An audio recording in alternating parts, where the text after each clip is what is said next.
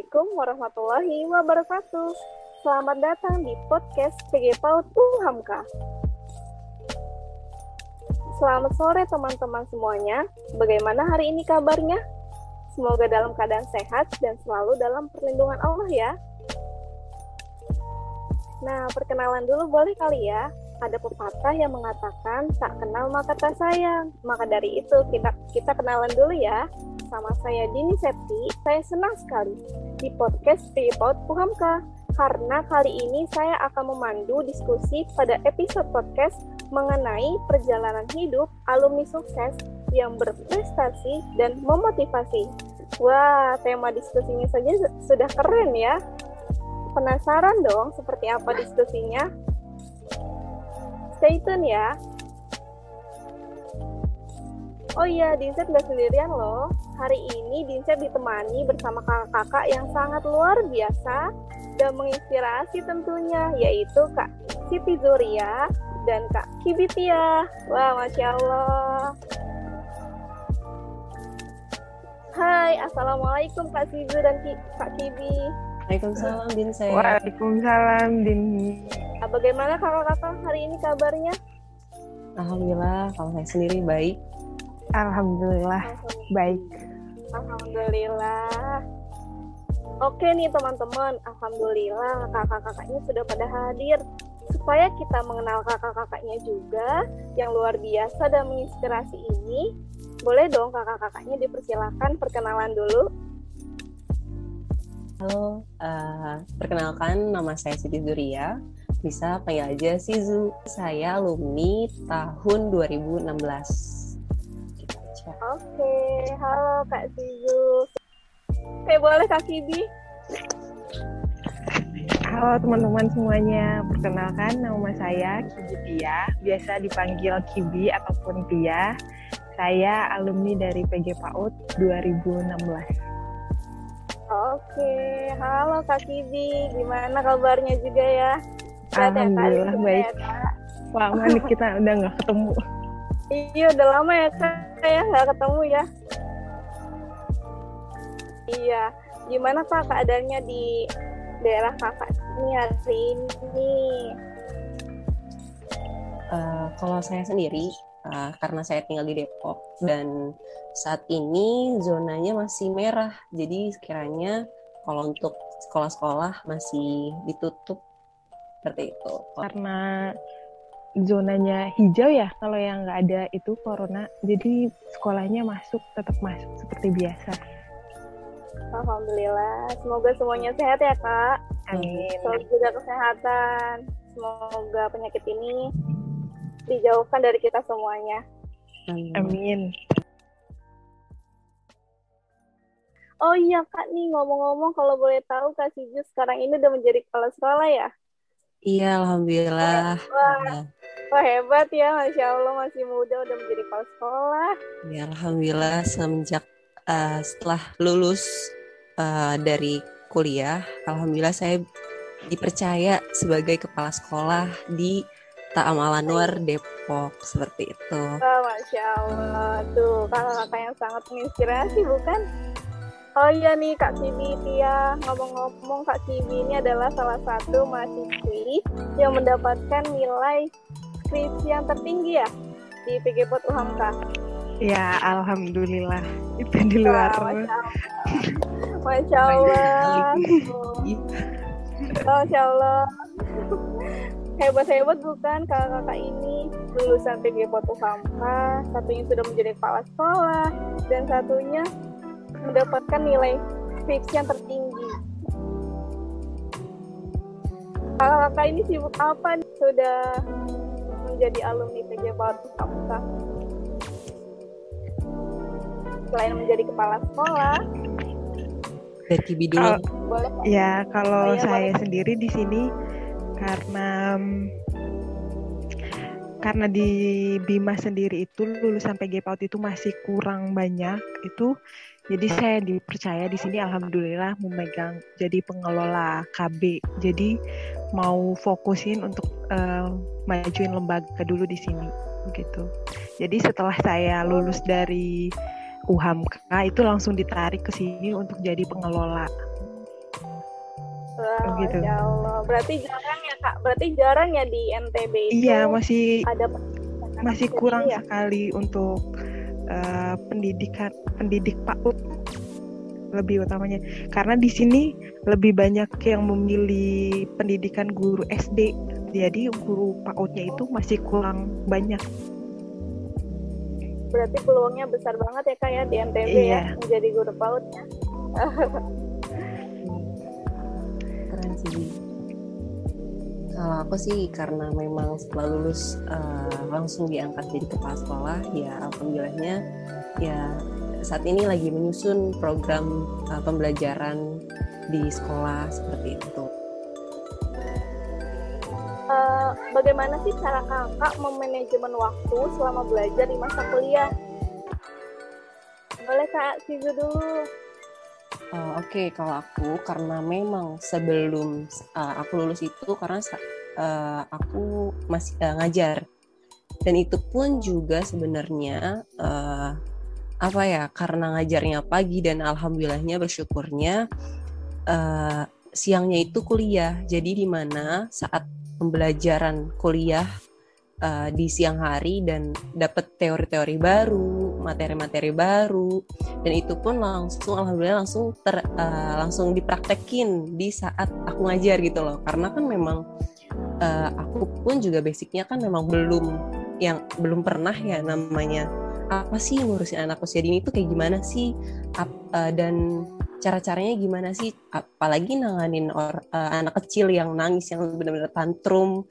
Itu kan kadang ya namanya kita orang dewasa kan kita belum tahu ya gimana sih cara nanganinnya. Dan alhamdulillah di, di jurusan PG PAUD kita tuh diajarkan bagaimana cara menangani eh, anak-anak kecil.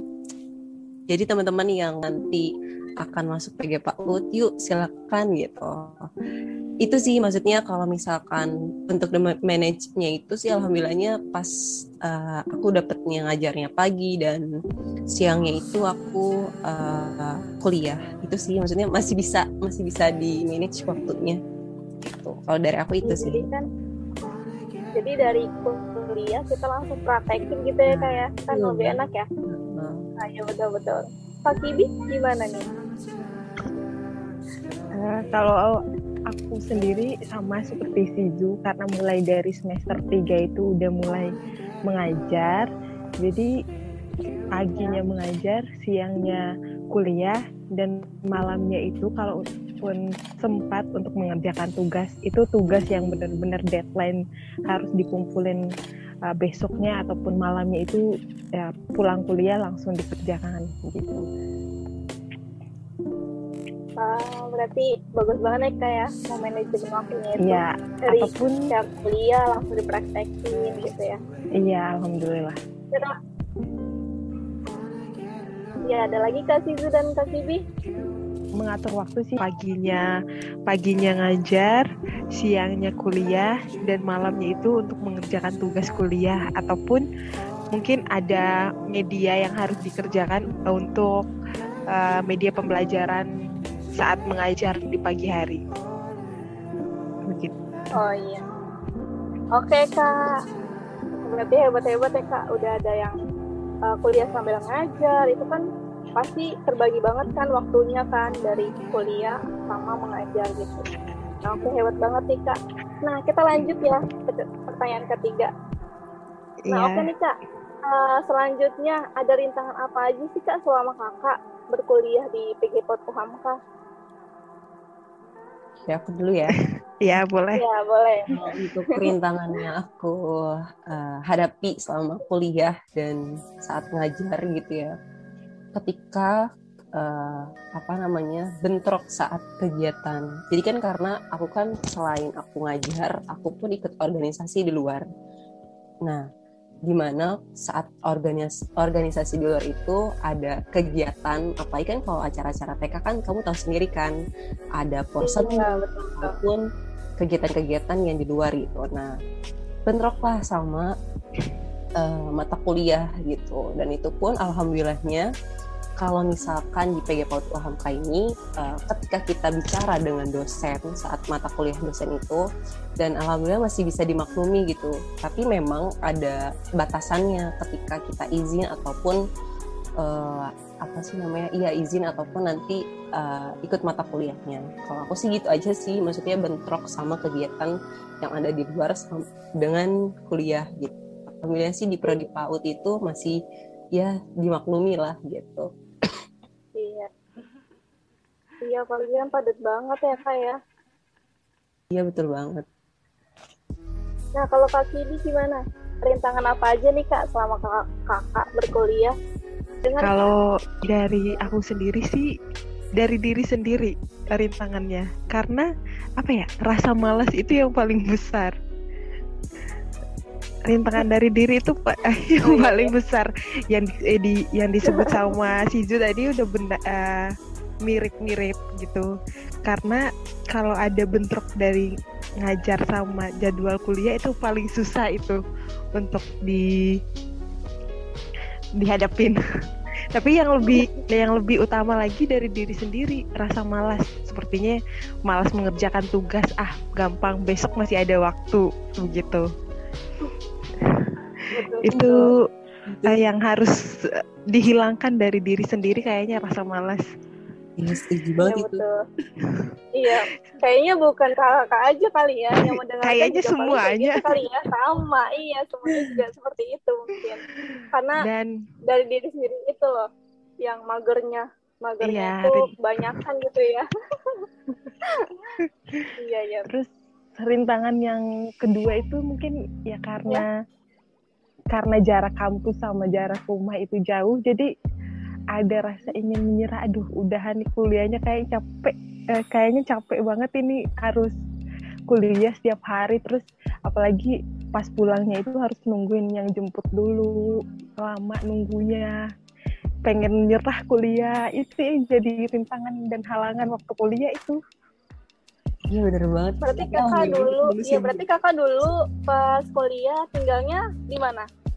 Sama ada Jaraknya. saudara, ada saudara di Jakarta. Jadi kan jarak kuliah, jarak kampus sama jarak rumah itu kan uh, satu jam lebih tuh jarak tempuhnya.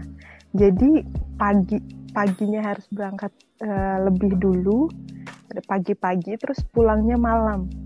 Jadi waktunya itu udah habis di jalan gitu.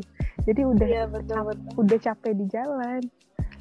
Kadang sering ketiduran di bis, kadang sampai kelewatan itu benar-benar perjuangan di masa kuliah. Tapi iya. alhamdulillahnya dinikmati.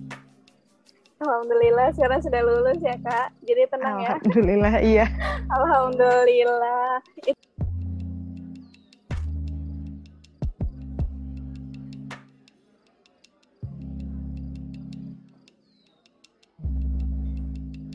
nih bagaimana bisa sih kak tergolong di usia muda nih? Kakak udah bisa menjadi kepala sekolah tuh. Pasti banyak dong pertanyaan dari teman-teman yang kayak kok masih muda udah menjadi kepala sekolah sih? Gimana sih caranya? Gitu. ya Iya pertama kita harus yakin dulu di mana jiwa kita harus ada berada di uh, sekolah tersebut. Karena kalau misalkan ya namanya tempat kerja ya kan pasti entah itu ada konflik dengan satu yang dengan yang lainnya. Dan kita pun harus uh, harus kuat mental dulu. Dan alhamdulillah oh. sih ya banyak sih ada dorongan dari orang tua kemudian teman-teman dan sahabat-sahabat lainnya yang udahlah siapa sih uh, yang ragu gitu kan buat kamu tuh jadi kelas sekolah ya. Alhamdulillahnya sih seperti itu gitu. Banyak yang percaya kalau saya itu mampu dan bisa gitu. Insya Allah doain juga Berarti, ya iya. berarti terbukti ya kak ya. Lulusan PJ Ufamka itu bukan menjadi guru aja. Bisa jadi pengelola bisa jadi kepala sekolah. Dan itu terbukti loh ke kak Sizu ya kan? Ya alhamdulillah Nah, berarti jangan lupa, jangan ragu untuk berkuliah di Bachelor Tuham, Kak. Bukan Betul begitu, Kak Cinta. Betul ya, Kak ya. Satu lagi, nah, dan dosen-dosennya okay. pun, itu pun di PG PAUD, ya luar biasa sih. Saya pun juga dapat uh, eh, ilmu dan termotivasi dengan dosen-dosen PG PAUD yang luar biasa sekali. Gitu. Berarti banyak banget nih, Kak, kakak yang hebat dari lulusan PGWOT Hamka. Nah kak, lanjut kita nih kak ya. Apa sih motivasinya kak Sidu sampai bisa jadi uh, sekolah tadi?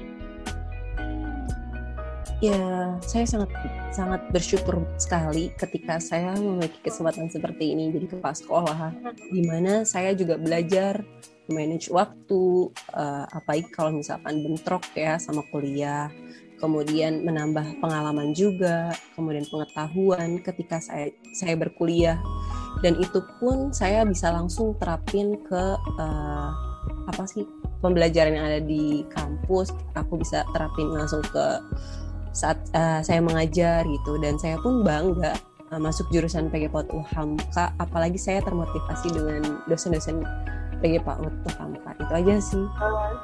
Oh, Masya Allah ya kak kan banyak nih kayak yang pada ngeremehin tuh ngapain sih uh, apa kuliah di PG PAUD ngapain sih uh, masuk jurusan itu? Gitu kan. Nah sekarang kan terbukti gitu loh bahwa lulusan PG PAUD UHAMKA itu nggak bukan apa ya namanya ya uh, ada jenjang karirnya gitu menjadi bisa menjadi kepala sekolah bisa buka yayasan sendiri.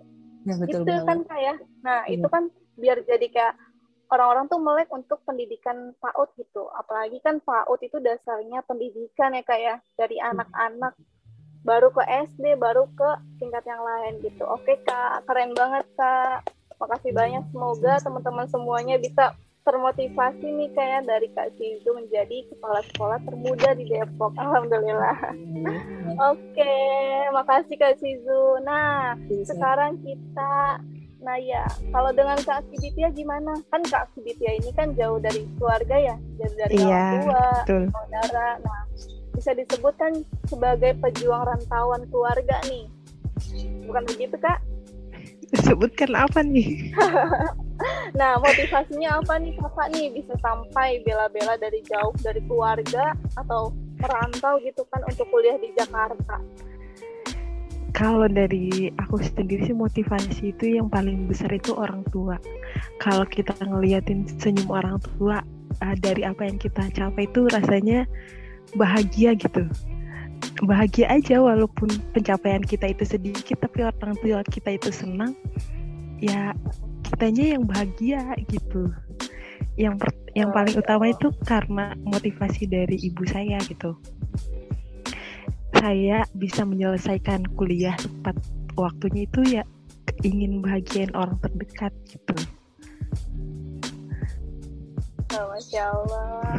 Doanya doa orang tua itu itu ya kayak iya doa ya? orang tua doa orang tua itu sangat manjur man yang uh, biar sukses untuk ke depannya itu jangan lupa minta restu orang tua ya itu terpenting banget untuk doa restunya orang tua dan orang-orang tersayang di dekat iya, ya betul. di dekat kita gitu. Nah iya nih. Kan kakak kalau kakak, kakak gimana sih kalau jauh dari keluarga itu? Kan misalkan kayak pernah dong galau sekali kalinya kayak aduh di sini pengen cerita ke siapa gitu kan. Nah itu gimana tuh kak menyikapinya tuh kak? Itu terjadi di awal-awal merantau. Sedih sedih pasti iya cuman karena di sana juga ada ada kakak saya jadi rasa sedihnya itu berkurang lah tapi awal-awal merantau itu rasa banget sedihnya jauh dari ibu apalagi kan baru pertama kali jauh dari ibu gitu oh baru pertama kali ya saya iya baru ya? masa iya. kuliah ya dan oh, yang menjadi wow. motivasi saya itu uh, begini uh, kata ibu saya kamu dilarang pulang sebelum kamu uh, sukses di tanah rantauan. Itu yang menjadi pegangan saya. Dilarang pulang ke Bima coba saya kuliah jauh-jauh dilarang pulang. Dilarang pulang sebelum iya. pakai toga ya kayak tapi iya, terbukti dong sudah pulang. Alhamdulillah. Udah kebanggaan orang tua. Pasti udah menjadi kebanggaan orang tua di NTB ya kak. Amin nah itu untuk teman-teman yang lagi mendengarkan juga nih yang jauh dari keluarga atau uh, rantauan di mana pun tetap semangat. Pasti ada orang tua kita yang selalu menunggu kita ya untuk pulang. Jadi semangat terus ya. Nah oke okay, kak Kibi. Nah, ini Kak, satu lagi ya Kak ya, Kak Cynthia Ya, bagaimana tuh rasanya? Kan tadi menjadi pejuang rantauan. Kan tadi kan eh, kan Kak, Kak Cibi kan apa bela-bela jauh dari kuat itu untuk kuliah. Nah, sekarang bagaimana sih rasanya Kak menjadi pejuang pejuang-pejuang keluarga rantauan di Jakarta gitu? Karena kan banyak banget nih teman-teman di sini juga yang menjadi pejuang rantauan dari mana pun gitu. Em, rasanya enak ke enak jadi eh, orang rantauan Mantap itu. ya. Iya, tapi setelah saya di sini wah, saya ke Jakarta lima tahun itu nggak sia-sia. Banyak pengalaman yang saya dapatkan eh, di sana gitu. Apalagi untuk jenjang karir saya untuk saat ini. Eh, di sini setelah saya survei dan saya lihat di sekolah-sekolah di sini ternyata masih jauh sekali dari kata eh, untuk pendidikan anak usia dini. Jadi ya saya rasa tidak salah saya ambil jurusan PG PAUD di UHAMKA karena itu eh, semua yang saya dapatkan di sini, eh, yang saya dapatkan saat masa kuliah itu ternyata eh, benar-benar diterapkan di sekolah PAUD gitu. Jadi untuk fokus saya ke sini, eh, saya untuk saat ini ya memajukan lembaga PAUD saya di sini supaya uh, dapat benar-benar dipercaya gitu sama orang tua di sini. Hmm, betul. Iya, Biar pada sekolah ya kak di sana ya iya kak, karena supaya terbuka matanya Iya, untuk betul pendidikan. sekali. Hmm. Iya, karena kan banyak ya berita kalau di luar-luar gitu ya, apalagi di Nusa Tenggara Barat atau Nusa Tenggara Timur itu kan banyak apa namanya eh, pendidikan tuh belum belum penting gitu ya, maksudnya belum orang tuanya belum menyadari bahwa pendidikan itu sangat penting buat anak-anak itu kan iya kayak betul sekali masih istilahnya itu masih dipandang uh, belum terlalu uh, penting untuk memasukkan anak itu ke anak uh, PAUD gitu. Jadi mereka mereka itu fokusnya ke SD gitu. Padahal mereka nggak tahu uh, pendidikan di di anak usia dini itu ternyata yang lebih penting dan utama. Betul betul kak. Apalagi sekarang nih kak peraturan eh, di pemerintahan tuh sekarang diwajibkan untuk yang sekolah dasar memiliki ijazah TK. Nah berarti kan Nah, iya betul. pendidikan pendidikan PAUD, pendidikan TK itu sangat penting banget untuk anak-anak kita untuk melanjutkan pendidikan ke depan gitu kak. Semoga aja dari peraturan pemerintah ini eh, orang tua orang tua yang di luar sana mendengarkan supaya anak-anaknya bisa bersekolah di lembaga PAUD atau TK ya kak ya. Iya, amin. Ditya ini kan adalah salah satu mahasiswi yang mendapatkan nilai skripsi tertinggi nih. Wah, masya Allah. Nah, Dince pengen tahu nih kak.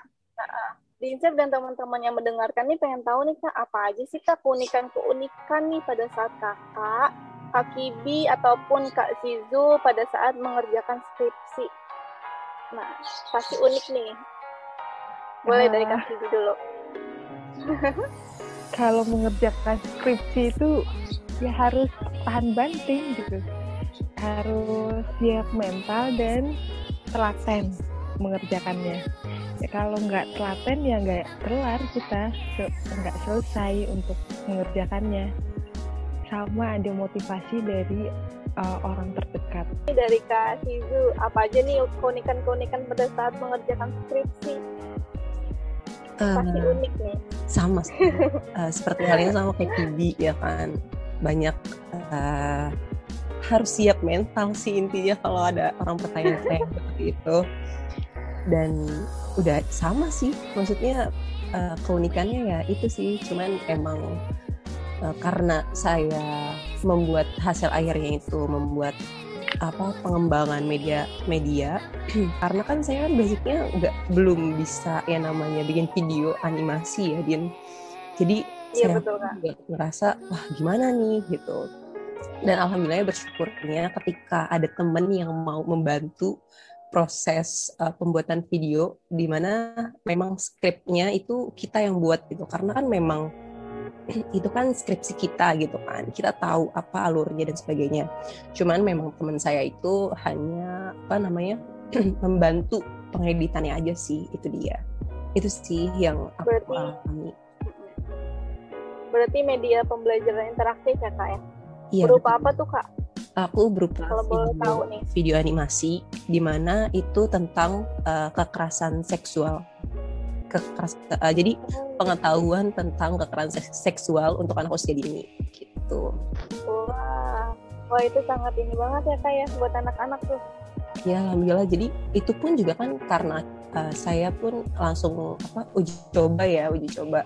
Dan alhamdulillahnya orang tua guru uh, itu pun sangat membantu dengan adanya video tersebut gitu.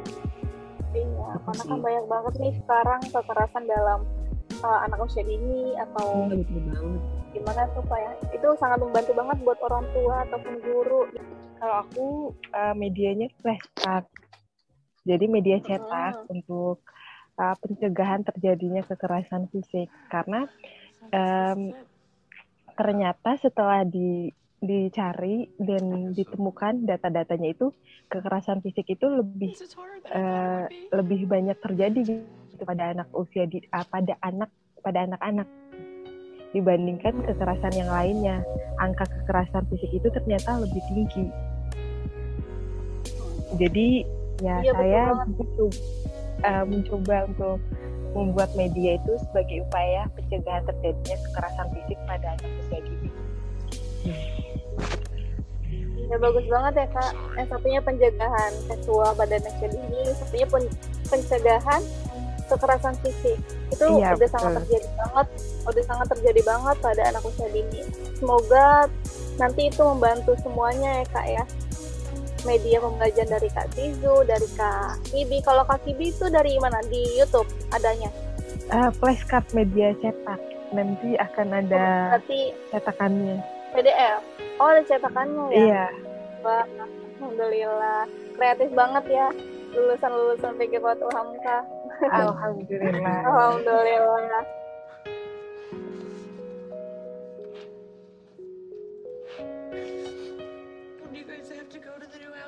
Nah, oke nih, Kak. Terakhir nih Kak ya, boleh dong kakak untuk buat pesan-pesan atau quotes nih untuk adik-adik atau orang-orang yang sedang mendengarkan podcast ini nih Kak. oke dari aku dulu ya Boleh, Eh, boleh, boleh. Cuman ini motivasi buat teman-teman yang dengar Eh, jadi gini jangan dengarkan omongan orang lain tetapi percayalah diri dan buktikan kalau kamu bisa menata masa depanmu dengan baik itu aja oke. Boleh dari Kak Kidi. Ya, kalau dari aku sendiri buat adik-adik nih yang mau masuk, yang mau kuliah wah, di jurusan PG PAUD ataupun di uh, jurusan yang lain, belajarlah dan kumpulkan ilmu sebanyak mungkin karena masa depanmu itu ada di tangan kamu sendiri, bukan di tangan orang lain. Jadi kumpulkan Keren. sebanyak-banyaknya ilmu. Ih, keren Oke, keren-keren. Anyway, jangan lupa teman-teman semuanya, adik-adik, kakak, dan teman- teman-teman yang mendengarkan podcast ini untuk di-follow nih Kak media sosial kita, PG Pod Uhamka, ada Instagramnya, ada YouTube-nya. Instagramnya ada uhamka underscore PG PAUD dan YouTube-nya PG Pod Uhamka. Jangan lupa di subscribe, share, dan di like-like semuanya videonya yang terpenting teman-teman semuanya jangan lupa untuk daftar di PG Pot UHAMKA karena sekarang ini sudah memasuki gelombang 2 loh sampai pada tanggal 17 Juli 2021 teman-teman semuanya jangan ragu untuk berkuliah di PG Pot UHAMKA karena sudah banyak terbukti alumni-alumni yang banyak memotivasi menginspirasinya yang lulusan dari PG Pot UHAMKA jangan lupa lagi ada bebas tes gratis formulir dan bisa daftar di online. Untuk lebih lanjutnya, kalian boleh cek eh, sekarang nih IG uhamka underscore PG PAUD. Sampai jumpa di podcast selanjutnya. Terima kasih untuk Kak Sizu dan Kak Kibitia. ya sama Terima kasih kembali. Iya. Nah, terima kasih atas sharing-sharingnya sore ini ya Kak ya. Semoga bermanfaat untuk kita semuanya, untuk adik-adik, kakak-kakak, dan teman-teman yang sedang mendengarkan podcast PG UHAMKA. Sampai jumpa, tetap stay tune di PG UHAMKA. Wassalamualaikum warahmatullahi wabarakatuh.